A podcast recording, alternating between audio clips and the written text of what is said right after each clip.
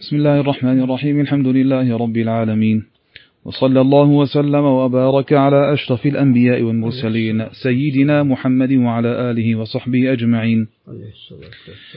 وبأسانيدكم وفقكم الله تعالى إلى الإمام أبي عيسى محمد بن عيسى بن سورة الترمذي رحمه الله تعالى قال باب ما جاء في سجدة الشكر. قال حدثنا محمد بن المثنى قال حدثنا أبو عاصم قال حدثنا بكار بن عبد العزيز بن أبي بكرة عن أبي عن أبي بكرة رضي الله عنه أن النبي صلى الله عليه وسلم أتاه أمر فسر به فخر ساجدا. هذا حديث حسن غريب لا نعرفه إلا من هذا الوجه من حديث بكار بن عبد العزيز. والعمل على هذا عند أكثر أهل العلم رأوا سجدة الشكر. قال باب ما جاء في أمان المرأة والعبد. قال حدثنا يحيى بن أكثم. قال حدثنا عبد العزيز بن أبي حازم عن كثير بن زيد عن الوليد بن رباح عن أبي هريرة رضي الله عنه.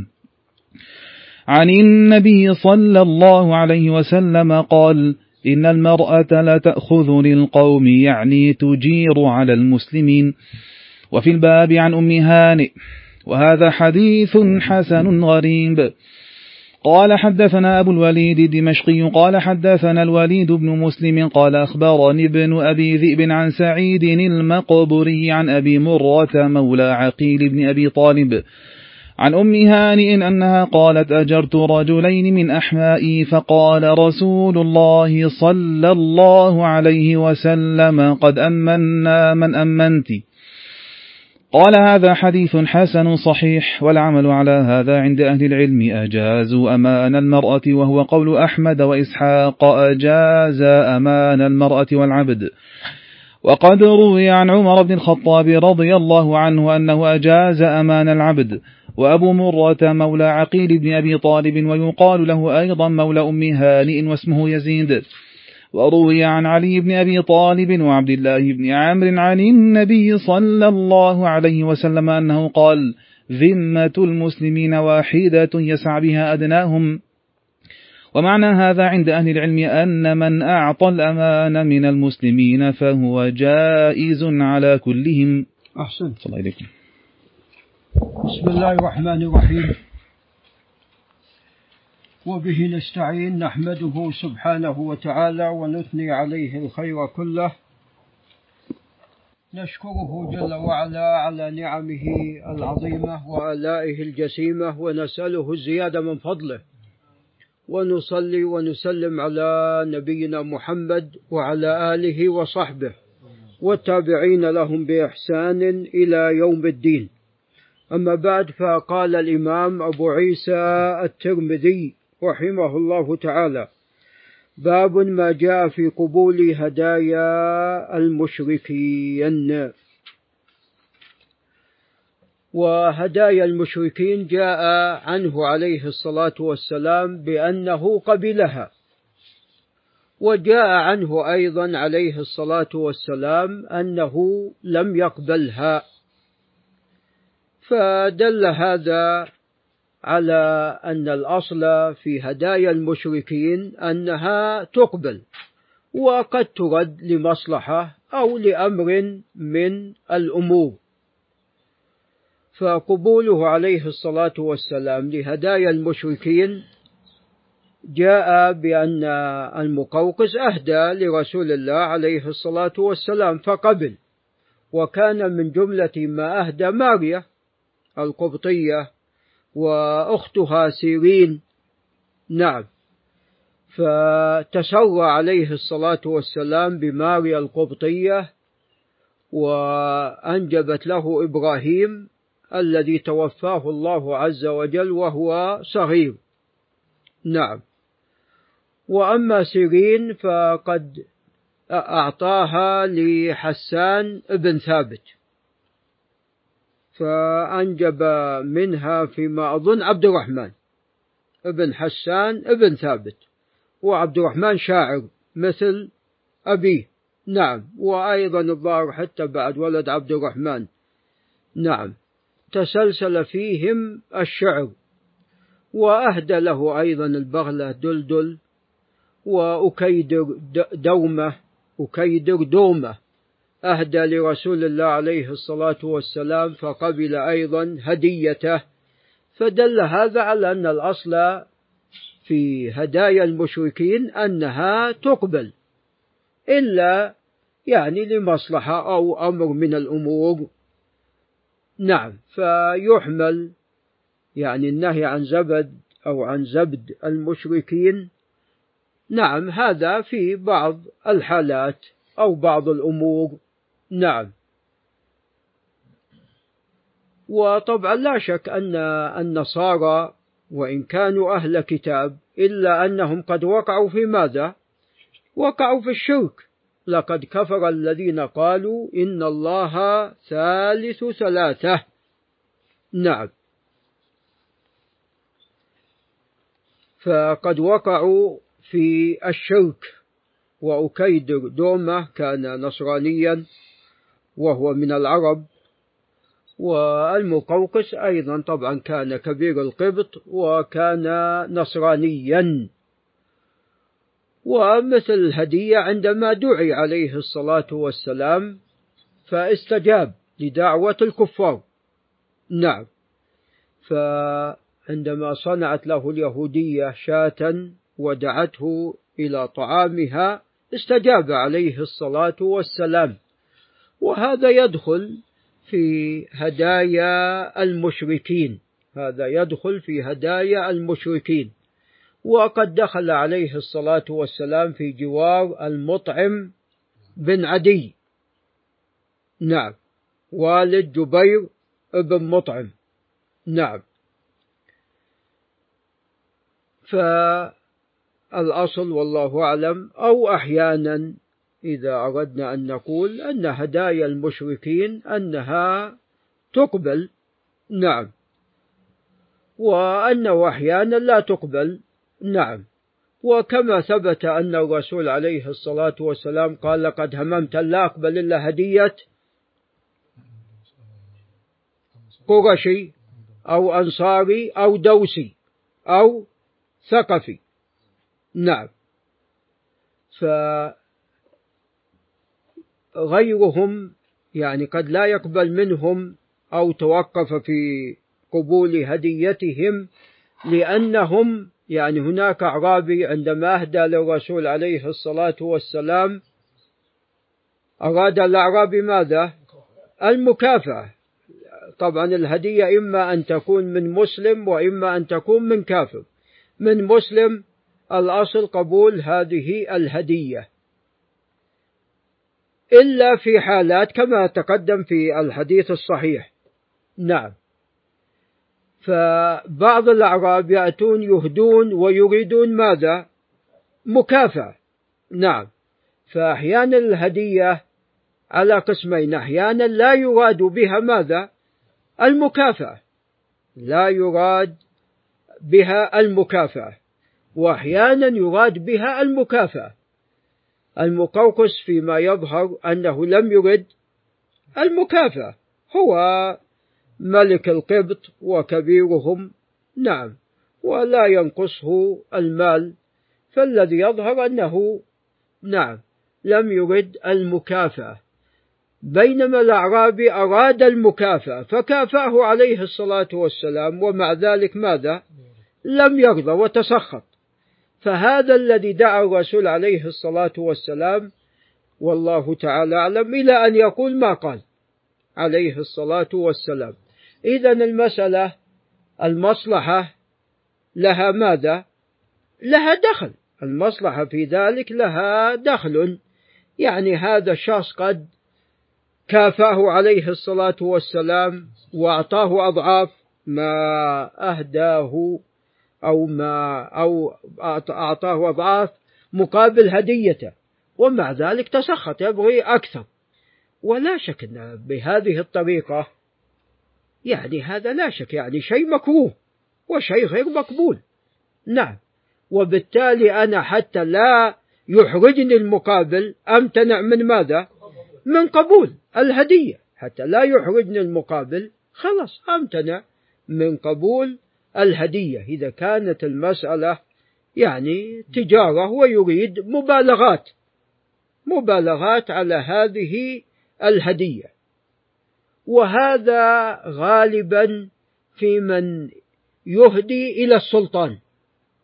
إذا كان واحد من الرعية وخاصة إذا كان هذا الشخص الذي من الرعية يعني ليس من كبار الرعية وليس من ذوي المال والجاه وأهدى للملك أو للسلطان هذا يريد ماذا؟ يريد مقابل. غالبا أنه يريد مقابل. نعم. فإذا كان المقابل يعني شيء يعني يعني نحو ما أهدى أو أكثر بقليل وما شابه ذلك. فنعم هذا نعم حسن. لكن إذا كان يريد المبالغة نعم. فإذا يعني هذا يختلف. قبول الهدية أو امتناع عليه الصلاة والسلام من قبول الهدية هذا يعني يختلف أحيانا أو يعني يلاحظ المصلحة ويلاحظ أن هذا هل يريد مقابل أو لا يريد مقابل أو يرضى باليسير أو لا يرضى إلا بالشيء الكثير. وقد يقال يعني الأصل عدم قبول هدايا من المشركين بخلاف من؟ أهل الكتاب.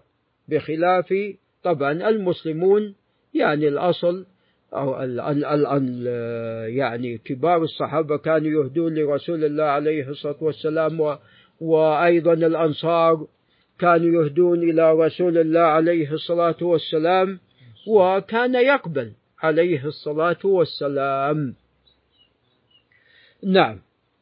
ولكن يعني بعض الأعراب يريدون مقابل ويريدون أيضا مبالغة تجاه هذه الهدية. فهنا يعني يقال الأصل عدم قبول هديتهم. نعم. والله أعلم. قال حدثنا علي بن سعيد وهو بن مسروق الكندي وهو ثقة. توفي عام 49 و200 قال الحافظ بن حجر صدوق. أبو حاتم الغازي قال صدوق. ولكن النسائي قال ثقة. وقال النسائي في رواية عنه لا بأس به. ولعل الشيخ محمد ينتبه. النسائي يعني كثير عنده. يقول عن الراوي ثقة ويقول أيضا لا بأس به. يعني هذا كثير. نعم. ليس بالقليل. فأحيانا تحمل لا بأس به بمعنى ماذا؟ ثقة. وهذا ما جاء عن يحيى بن معين. يحيى بن معين مرة من المرات قال عن شخص لا بأس به. قيل لماذا لا توثقه؟ قال قد وثقته. نعم. فأحيانا لا بأس به يراد بها التوثيق. والنسائي يستعمل ذلك. والدليل عليكم السلام. والدليل على استعماله تفضلوا داخل. تفضلوا والدليل على استعماله أنه يعني وجد هذا كثيرا عنده. يقول عن الراوي ثقة ويقول أحيانا لا بأس به. فلا نجعل ذلك لعل الابن منيع أيضا ينتبه لا نجعل ذلك روايتان بل نحمل إحداهما على الأخرى. نحمل إحداهما على الأخرى. نعم.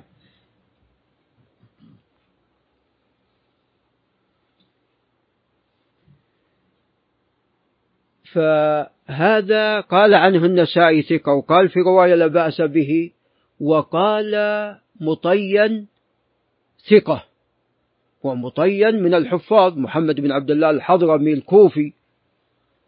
وهذا الشخص كوفي وقد وثق مطين. وابن حبان ذكر في الثقات فالراجح أنه ثقة. ثم أن أبا حاتم قول صدوق تساوي عند غيره ماذا؟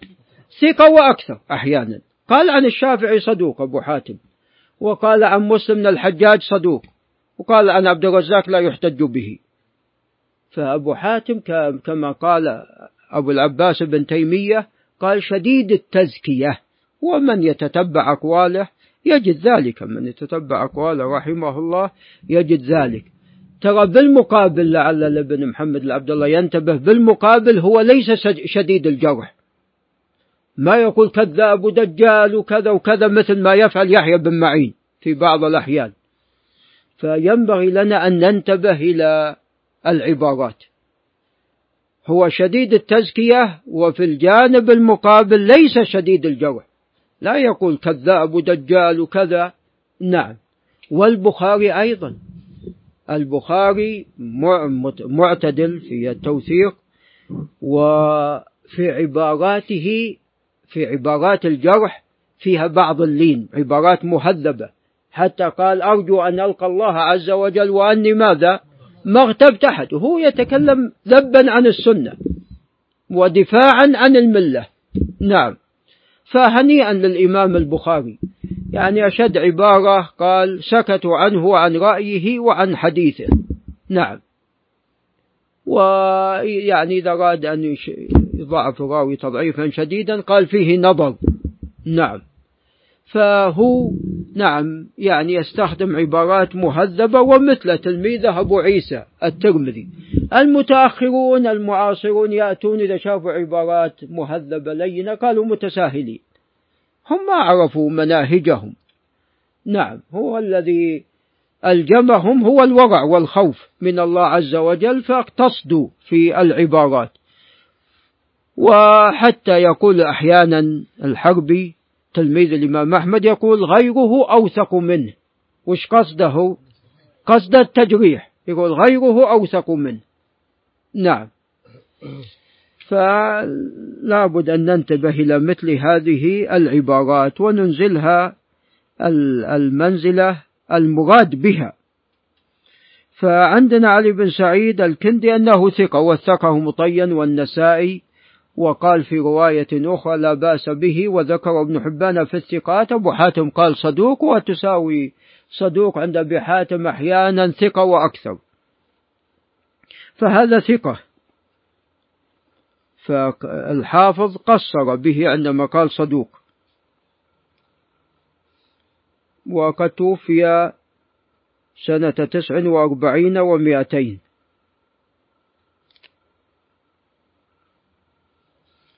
قال حدثنا عبد الرحيم بن سليمان وهو الكناني أو الطائي أبو علي الأشل وهو ثقة ثقة له تصانيف وتوفي سنة سبع وثمانين ومائة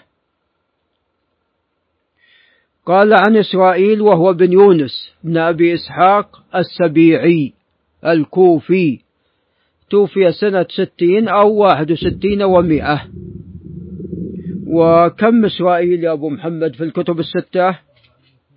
اثنين فقط إسرائيل بن يونس هذا وهو المشهور وإسرائيل بن موسى وهو ثقة. له حديث قليلة. خرج للبخاري إسرائيل بن موسى خرج للبخاري.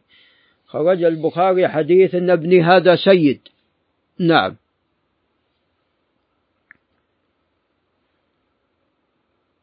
إسرائيل حديث ثقة مشهور حديث على قسمين. ما رواه عن جده فهو ثقة ثبت مقدم في جده.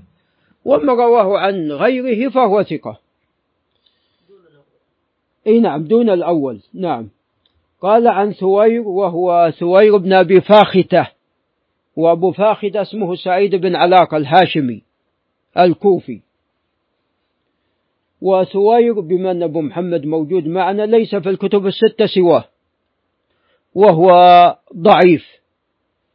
بل قال بعض الحفاظ متروك.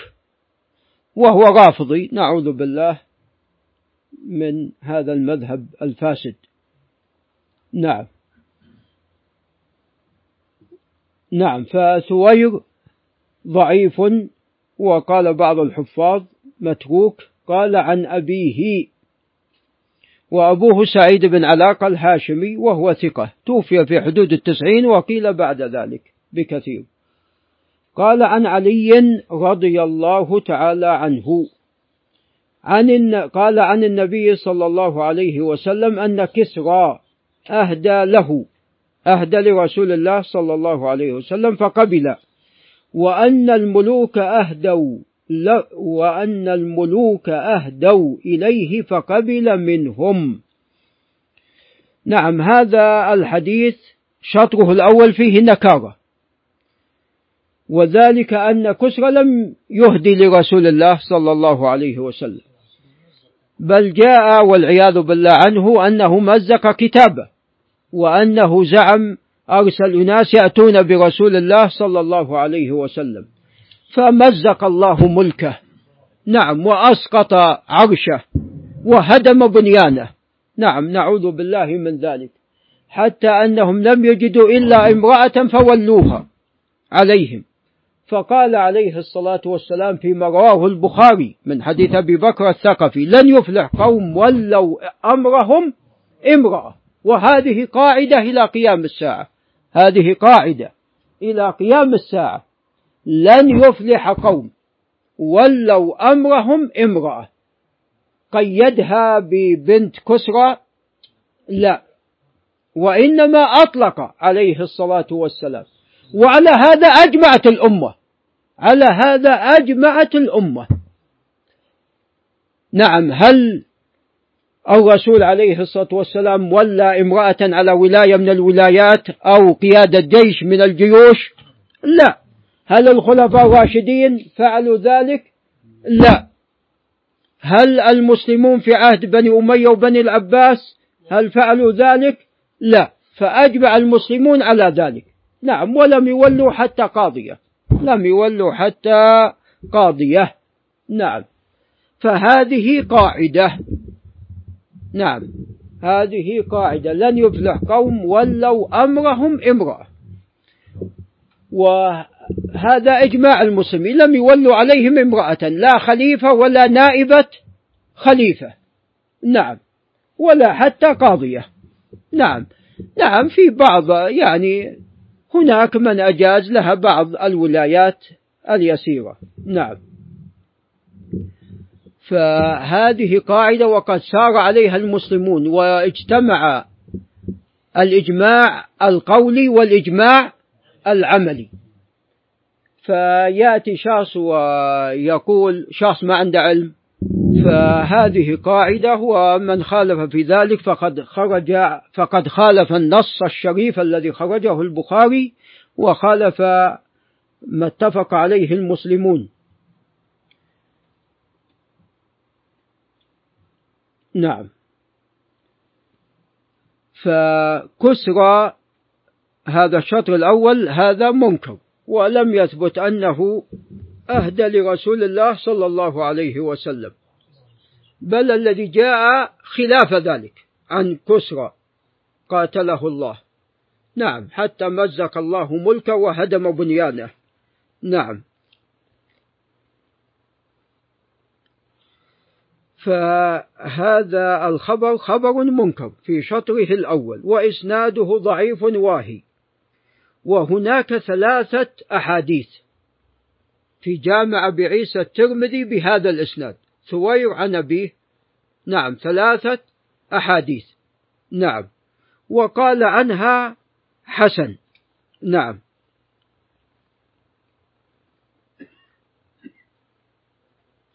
والذي يظهر أن أبا عيسى لا يرى أنه متروك. نعم. وإنما يرى أنه لا يحتج به. نعم. وطبعا نقل البخاري عن ابن عيينة أنه كان يغمز ثوير والغمز شدة الضعف ولا دون ذلك؟ دون ذلك. دون, دون ذلك. فنعم هذا نقل البخاري عن ابن عيينة ولم يتعقبه بشيء فالذي يظهر من صنيع أبي عيسى أنه لا يرى أن ثويرا حجة يحتج به لا لا يرى ذلك ويرى أنه لا يحتج به ولكن ليس عند بالمتروك نعم ولذا حسن هذه الأحاديث والتحسين هذا تضعيف. لكن تقدم أن الحديث الحسن عند ليس بالواهي ولا هو الذي جمع أدنى شروط القبول. نعم وإنما دون ذلك فوق الواهي ودون الذي جمع أدنى شروط القبول. هذا هو الحسن عند أبي عيسى ويطلق على المعلول والذي وقع فيه اختلاف وقد شرحت هذا مرات كثيرة. بحمد الله. نعم. ولذا هنا قال وفي الباب عن جابر قال وهذا حديث حسن غريب وثوير بن أبي فاختة وأبو فاختة اسمه سعيد بن علاقة وثوير يكنى أبا جهم. نعم. قال حدثنا محمد بن بشار وهو العبدي المعروف ببندار وهو ثقة حافظ توفي 250 و200 قال حدثنا أبو داود وهو سليمان بن داود من الجارود البصري الحافظ توفي عام 204 خرج له مسلم وأصحاب السنن وعلق له البخاري. قال عن عمران القطان وعمران هو بن داور القطان. علق له البخاري بعض الأحاديث وخرج له أصحاب السنن بالإضافة إلى أبي عيسى وتوفي بين الستين والسبعين وفيه ضعف. فيه ضعف. نعم. فطبعا ابن معين النسائي طبعا ضعفة. ويعني هناك من قواه وهو فيه ضعف. نعم. قال عن قتادة هو بن دعامة بن قتادة السدوسي أبو الخطاب البصري وهو ثقة حافظ توفي عام سبعة عشر ومئة قال عن يزيد بن عبد الله بن الشخير وهو العامري. نسبة إلى عامر بن صعصعة وهو ثقة دليل وعبد الله بن الشخير صحابي والده. وأخو يزيد مطرف وهو ثقة جليل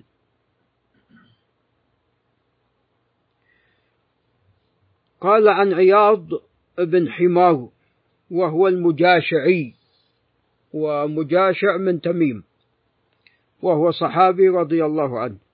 أنه أهدى للنبي صلى الله عليه وسلم هدية أو ناقة فقال النبي صلى الله عليه وسلم أسلمت؟ فقال لا. فقال إني نهيت عن زبد المشركين.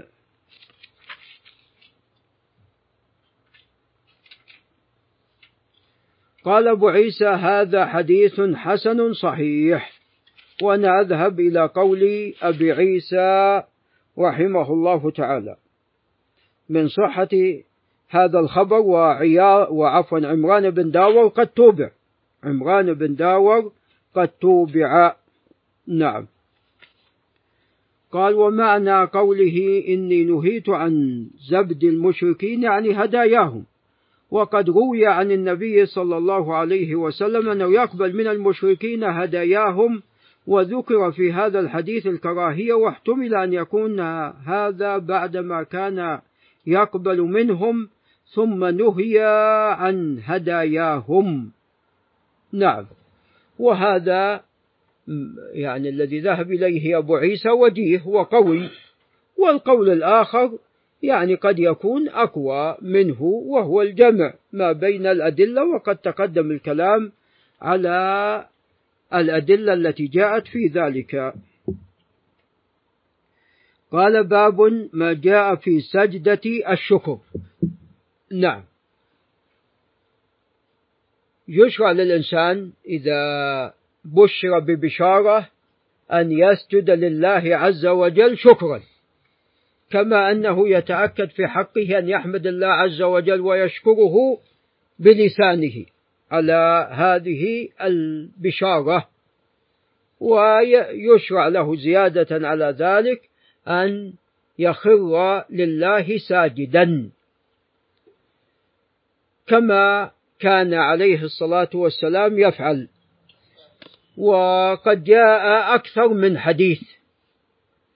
في ذلك أن الرسول عليه الصلاة والسلام كان نعم يسجد عندما يبشر ببشارة.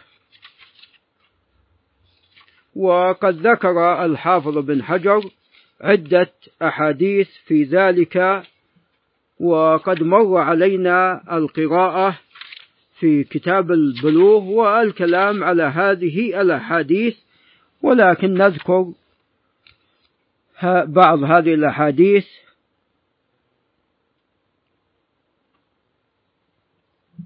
نعم. فأول حديث ذاك هو حديث أبي بكر الذي معنا. وسوف يأتي الكلام على بكار. قلت بكار لا يحتج به والقول بضعفه متجه.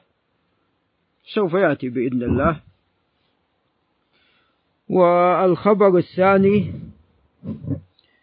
قال وعن عبد الرحمن بن عوف رضي الله عنه قال سجد النبي صلى الله عليه وسلم فأطال السجود ثم رفع رأسه وقال إن جبريل أتاني فبشرني فسجدت لله شكرا.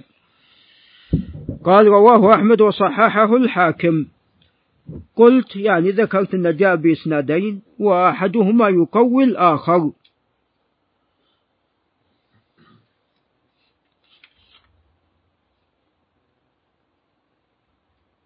قلت وله أسانيد أخرى.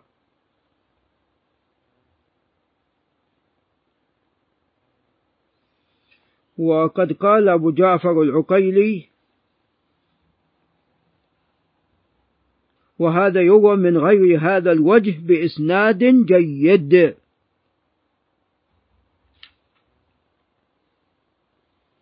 نعم الخبر الثالث قال وعن البراء بن عازب أن النبي صلى الله عليه وسلم بعث عليا إلى اليمن عليا رضي الله عنه إلى اليمن فذكر الحديث قال فكتب علي بإسلامهم فلما قرأ رسول الله صلى الله عليه وسلم الكتاب خر ساجدا. قال رواه البيهقي وأصله في البخاري. وهذا خبر ثابت هذا خبر ثابت. إذا هناك أكثر من حديث في ذلك. نعم. والسجود خمسة أنواع. خمسة أنواع. عندنا سجود الصلاة هذا الفريضة الذي في كل ركعة. وعندنا أيضا سجود السهو. وعندنا أيضا سجود التلاوة. وعندنا سجود الشكر والخامس يا شيخ الإسلام التوبة. فخر راكعا وأناب. هذا داود عليه السلام. فإذا السجود خمسة أنواع. فيشرع لك توبة أن تخر لله ساجدا. نعم فهذه خمسة أنواع من السجود. هناك من بعض المسلمين إذا أراد أن يدعو خر ساجدا ودعا. هذا والله أعلم لم يأتي وإنما جاء في الصلاة. فأما السجود فاجتهدوا فيه في الدعاء فقمن أن يستجاب لكم إذا كنت في الصلاة. وأما تسجد فقط لتدعو وأنت لست, لست في صلاة فهذا والله أعلم لم يأتي. هذا والله أعلم لم يأتي. نعم والله أعلم. الخمسة الأنواع اللي تقدم ذكرها. نعم. لا بأس لا بأس لكن أنت إذا بارك الله فيك بشرت ببشارة سجدت الله شكرا خلاص. يعني لا تكرر تسجد مثلا عشر سجدات. لا إن جالك بشارة أخرى نعم. لا لا لا لا الوضوء إذا كان الإنسان يعني ليس في صلاة فهذا يعني سجود الشكر وسجود التلاوة لا يشترط له الطهارة وسجود التوبة أيضا لا يشترط له الطهارة نعم. سجود إيش؟ يوسد واقترب في الصلاة في الصلاة نعم سجود الصلاة هذا داخل سجود الصلاة تقدم ذكره.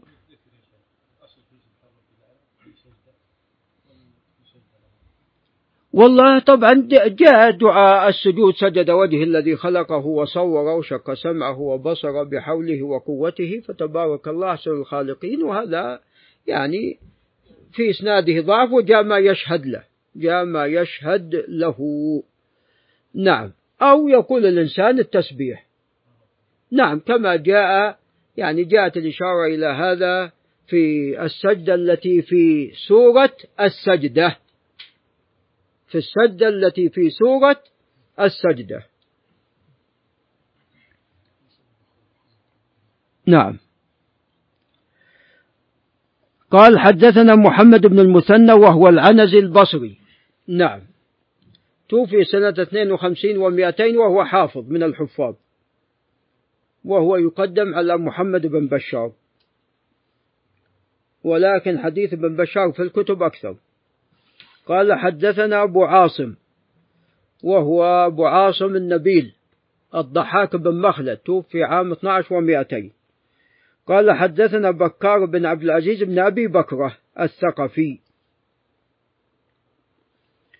بكار بن عبد العزيز كما تقدم يعني فيه خلاف وأنا رجحت أنه لا يحتج به.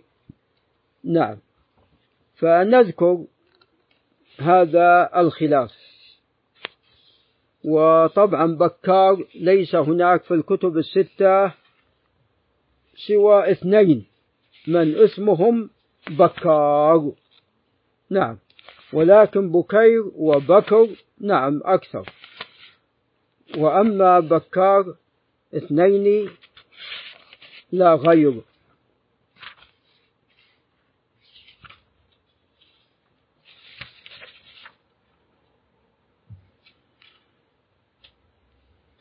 بكار بن عبد العزيز الذي معنا وبكار بن يحيى. بكار بن يحيى مجهول خرج له أبو داود. نأتي إلى بكار بن عبد العزيز بن أبي بكر الثقفي أبو بكر البصري. قال الدوري عن ابن معين ليس بشيء. وقال إسحاق بن منصور عن يحيى بن معين صالح فله قولان. وقال ابن عدي أرجو أنه لا بأس به وهو من جملة الضعفاء الذين يكتب حديثهم. ترى أنا ذكرت من قبل أن عند ابن عدي أرجو أن لا بأس به صيغة ماذا؟ تضعيف. أرجو أن لا بأس به عند ابن عدي صيغة تضعيف. نعم. فينبغي الانتباه لهذا. ومن الأدلة هذا الذي معنا الآن. ليس به نعم. قال لا بأس به وهو من جملة الضعفاء الذين يكتب حديثهم. لكن لا يقول عن شخص كذاب أرجو أن لا بأس به. لعل الشيخ الحارث ينتبه لهذا. وقال البزار ليس به بأس. وقال مرة ضعيف. وذكره ابن حبان في الثقات وقال العقيلي لا يتابع على حديثه في ترك الحجامة يوم الثلاثاء. الذي فيه ساعة لا يرقى فيها الدم. في النهي عن الحجامة يوم الثلاثاء. وقال أبو جعفر وليس في الحجامة شيء يثبت لا في الاختيار ولا في الكراهة. لا في اختيار الأيام يعني كسبعة عشر وتسعة عشر وواحد وعشرين ولا في كراهية الأيام أيضا كيوم الثلاثاء.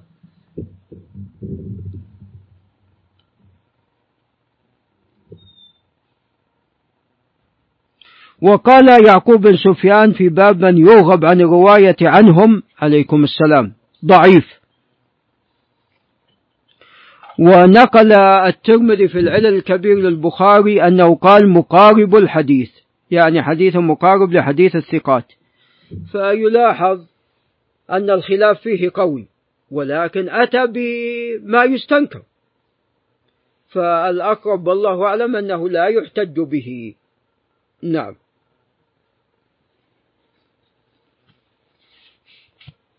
ولذا كان أذهب إلى قول ابن عدي.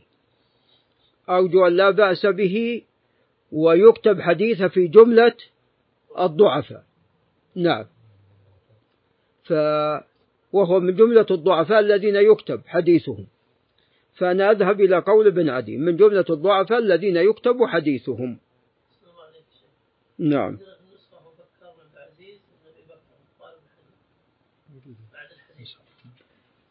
هو هو الأقرب أن هذا في العلل الكبير.